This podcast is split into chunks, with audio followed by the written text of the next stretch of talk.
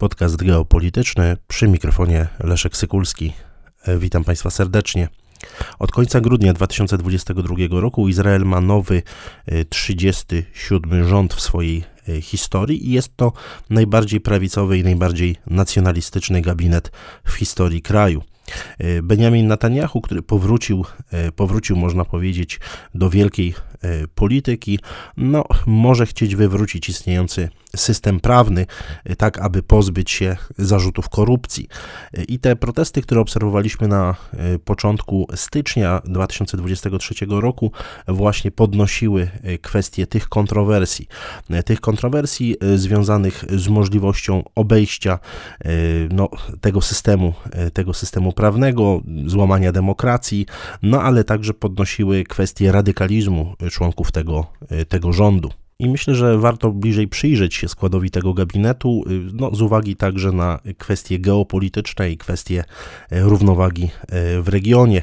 E, no nie wiadomo, czy obecny rząd Benjamina Netanyahu, najdłużej zresztą urzędującego premiera w historii Izraela, zdoła zrealizować swój program i czy w ogóle dotrwa do, do końca kadencji. Faktem jednak jest, że trzeba tutaj zwrócić uwagę na mm, porozumienie koalicyjne, które jest no, dosyć radykalne, e, ponieważ zapisano tam, e, cytuję, że ludność żydowska ma wyłączne i niezbywalne prawo do ziem Izraela. Koniec cytatu.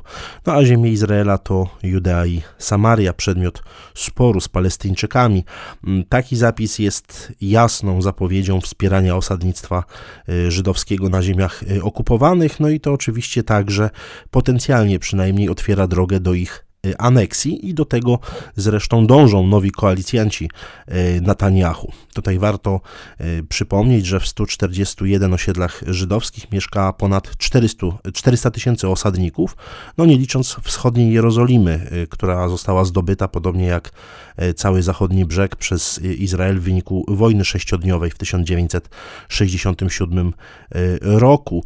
Mm, no i jest to oczywiście teren autonomii palestyńskiej, której władze i ludność walczą walczą różnymi metodami e, z żydowskim osadnictwem no już od dziesiątek, od dziesiątek lat. Cały ten obszar jest e, uznawany przez Organizację Narodów Zjednoczonych za e, teren okupowany, a osiedla żydowskie za nielegalne i to warto podkreślić, że jest to, mm, jest to uznawane przez ONZ, w tym także także Polskie, Polskę i takie jest też stanowisko Unii Europejskiej. W związku z tym, moim zdaniem, Zdecydowanie decyzja e ewentualna Benjamina Netanyahu, e, jeśli chodzi o aneksję ziem okupowanych, no, pociągnęłaby za sobą spore reperkusje e, międzynarodowe i pytanie, czy, y, czy rzeczywiście realnie jest to rozważane.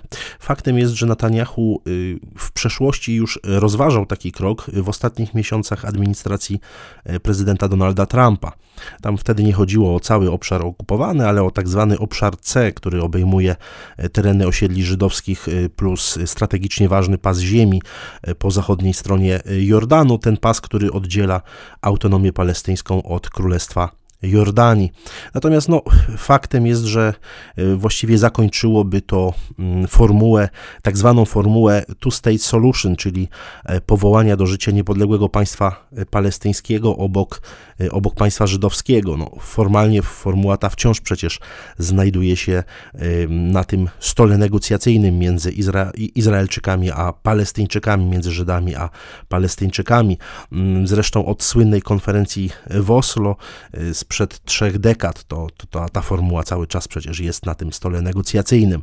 No i y, z punktu, ale z punktu oczywiście widzenia premiera Netanyahu jest ta formuła y, już od dawna martwa. Natomiast to, że dla premiera Netanyahu jest to formuła martwa, nie oznacza, że dla społeczności międzynarodowej. Myślę, że także warto przypomnieć tutaj słowa y, prezydenta Joe Bidena, który, który powiedział wyraźnie, że Stany Zjednoczone będą nadal wspierać właśnie tę formułę two-state solution, właśnie tych rozwiązania dwóch, jeżeli chodzi o dwa państwa. No i to zresztą napisał prezydent Stanów Zjednoczonych w swoim oświadczeniu po zaprzysiężeniu nowego rządu właśnie premiera Netanyahu. W kontekście sprawy palestyńskiej myślę, że warto tutaj y, podkreślić y, członkostwo w nowym y, gabinecie premiera Netanyahu tak kontrowersyjnych postaci jak nowy minister bezpieczeństwa narodowego Itamar Ben-Gwir, czy szef resortu finansów Bezalel Smotrich, czy mm, Avi Maos, minister w kancelarii premiera. Są to ludzie, którzy reprezentują trzy ortodoksyjne religijne ugrupowania, które dążą właśnie do rozwoju osadnictwa państwa żydowskiego na terenach y, okupowanych, a nawet dążą wprost do y, ich aneksji i utworzenia Wielkiego Izraela. Y, zresztą sama nazwa ich wspólnej listy wyborczej już mówi bardzo, ale to bardzo wiele. Ta nazwa to religijny syjonizm. No i oczywiście tutaj warto zauważyć, że bez głosów tych radykałów Y, Benjamin Netanyahu nie mógłby w ogóle marzyć o powrocie y, do władzy. Zresztą tutaj y, także warto, warto zwrócić uwagę na na przykład no, postać nowego ministra sprawiedliwości, Jaira Lewina, to, to bliski znajomy, nawet przy, niektórzy mówią przyjaciel mm, właśnie Benjamina Netanyahu i to też postać, która wywołuje sporo kontrowersji, jeśli chodzi o taką strategię obchodzenia władzy sądowniczej za pomocą e, Knesetu. Chodzi o okrojenie kompetencji Sądu Najwyższego, który w Izraelu także pełni rolę sądu konstytucyjnego.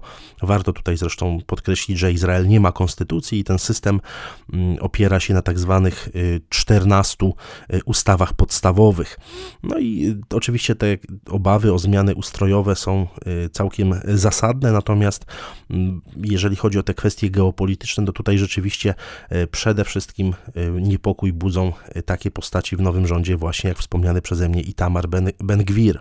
To polityk, który wywołuje ogromne kontrowersje nie tylko w samym Izraelu, ale także wśród sąsiadów tego państwa. No wystarczy przypomnieć, że już kilka dni po zaprzysiężeniu rządu właśnie Itamar Ben-Gwir, nowy minister bezpieczeństwa narodowego, złożył swoją wizytę na wzgórzu świątynnym w Jerozolimie tam pojawił się e, niespodziewanie, właściwie około 15 minut mm, spędził i właściwie zanim ta informacja o jego wizycie dotarła do władz palestyńskich, Ben Gwir był już z powrotem pod ścianą płaczu.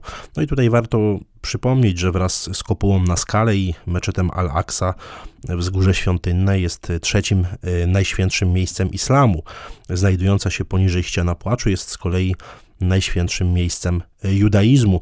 To wzgórze znajduje się pod administracją muzułmańską, podczas gdy Izrael jest odpowiedzialny za, za bezpieczeństwo. Wizyta Ben-Gwira właśnie w tym miejscu miała swego, miała być swego rodzaju przypomnieniem dla świata arabskiego, że cały ten obszar jest zdaniem, mm, zdaniem Żydów nieodłączną częścią e, państwa Izrael. No, warto tutaj e, przywołać e, wydarzenie historyczne z 2000 roku, kiedy podobna prowokacyjna wizyta generała Ariela Sharona wywołała drugą palestyńską intifadę, czyli krwawe powstanie przeciwko właśnie państwu Izrael. I mimo tego, że sam Benjamin Netanyahu odradzał mm, swojemu ministrowi wizytę, zdając sobie sprawę z tych wszystkich okoliczności, to y, jednak warto podkreślić, że Ben Gwir mm, ma, y, jest to dla niego manifestacja y, politycznych idei takiego ortodoksyjnego y, judaizmu. Ben Gwir jest w ogóle zwolennikiem na przykład deportacji arabskich obywateli Izraela, którzy jego zdaniem, cytuję, nie są lojalni wobec państwa y, żydowskiego. Koniec cytatu. To jest człowiek, który popiera na przykład poszerzanie skali osadnictwa żydowskiego na mm, okupowanych terenach zachodniego brzegu, gdzie zresztą sam mieszka. To też warto o tym, o tym powiedzieć. Jego, jego zdaniem te tereny należą należą do państwa e, żydowskiego, ponieważ zapisano je w tak zwanym e, pięcio, e, pięcioksięgu. No, o tym radykalizmie, o tym radykalizmie Ben Gwira sporo już napisano, sporo, sporo powiedziano i w kontekście obecnego rządu też trzeba zauważyć, że bez poparcia takiego, takich ugrupowań, ugrupowań jak religijny syjonizm, żydowska siła czy, czy partia Noam, no właściwie nie byłoby możliwe zdobycie większości przez gabinet Netanyahu. Ta koalicja ma w, w parlamencie 64 miejsca na 120, na 120 wszystkich, więc widać, że ta mm, skrajnie nacjonalistyczna konstelacja jest po prostu Netanyahu potrzebna. Faktem jest, że mm, tutaj w mojej ocenie będzie bardzo wiele zależało od polityki Stanów Zjednoczonych, jeśli chodzi o kwestie napięć między Żydami a Palestyńczykami. Myślę, że tutaj administracja amerykańska ma bardzo dużo do, do zrobienia w najbliższym, w najbliższym czasie, tak aby no, zapobiec kolejnej eskalacji konfliktu między Izraelem a Hamasem. No i także oczywiście chodzi o powstrzymywanie krajów arabskich, które już zawarły porozumienia z Izraelem przed wycofaniem się z nich, no, gdyby oczywiście doszło do jakiejś trwałej konfrontacji między, między Żydami a Palestyńczykami. Dziękuję Państwu za uwagę.